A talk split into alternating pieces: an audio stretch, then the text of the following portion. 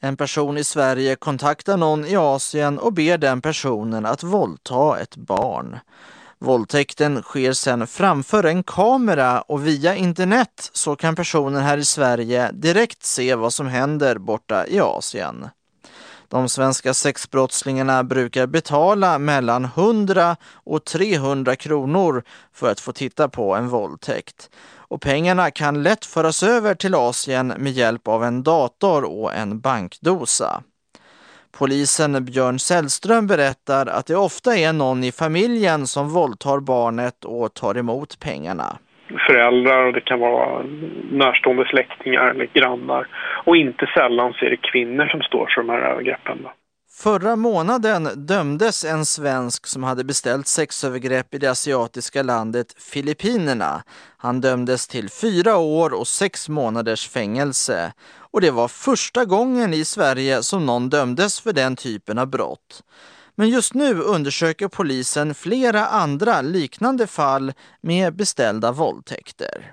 Det är en ganska läskig utveckling det här för det betyder att man kan, man kan ta del av övergrepp som man själv liksom inte fysiskt närvarande vid. Eftersom beställda våldtäkter på distans är ett ganska nytt brott så saknas det någon bra lag för det här, tycker Björn Sällström.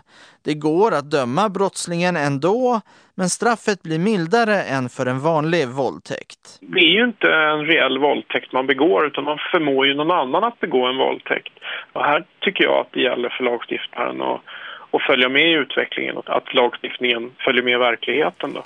En annan som vill ändra lagen är Lotta Persson. Hon är med i organisationen ECPAT som försöker att stoppa sexuella övergrepp på barn.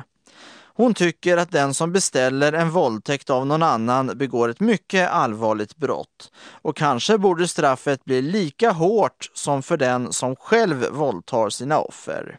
De här övergreppen hade inte skett om det inte fanns en efterfrågan, om det inte fanns en förövare som sitter och gör beställningen. Därför så kan det behövas en diskussion om vem som är förövare. Lotta Persson hoppas också att bankerna skulle kunna stoppa de betalningar som beställare gör för att få se våldtäkter borta i Asien.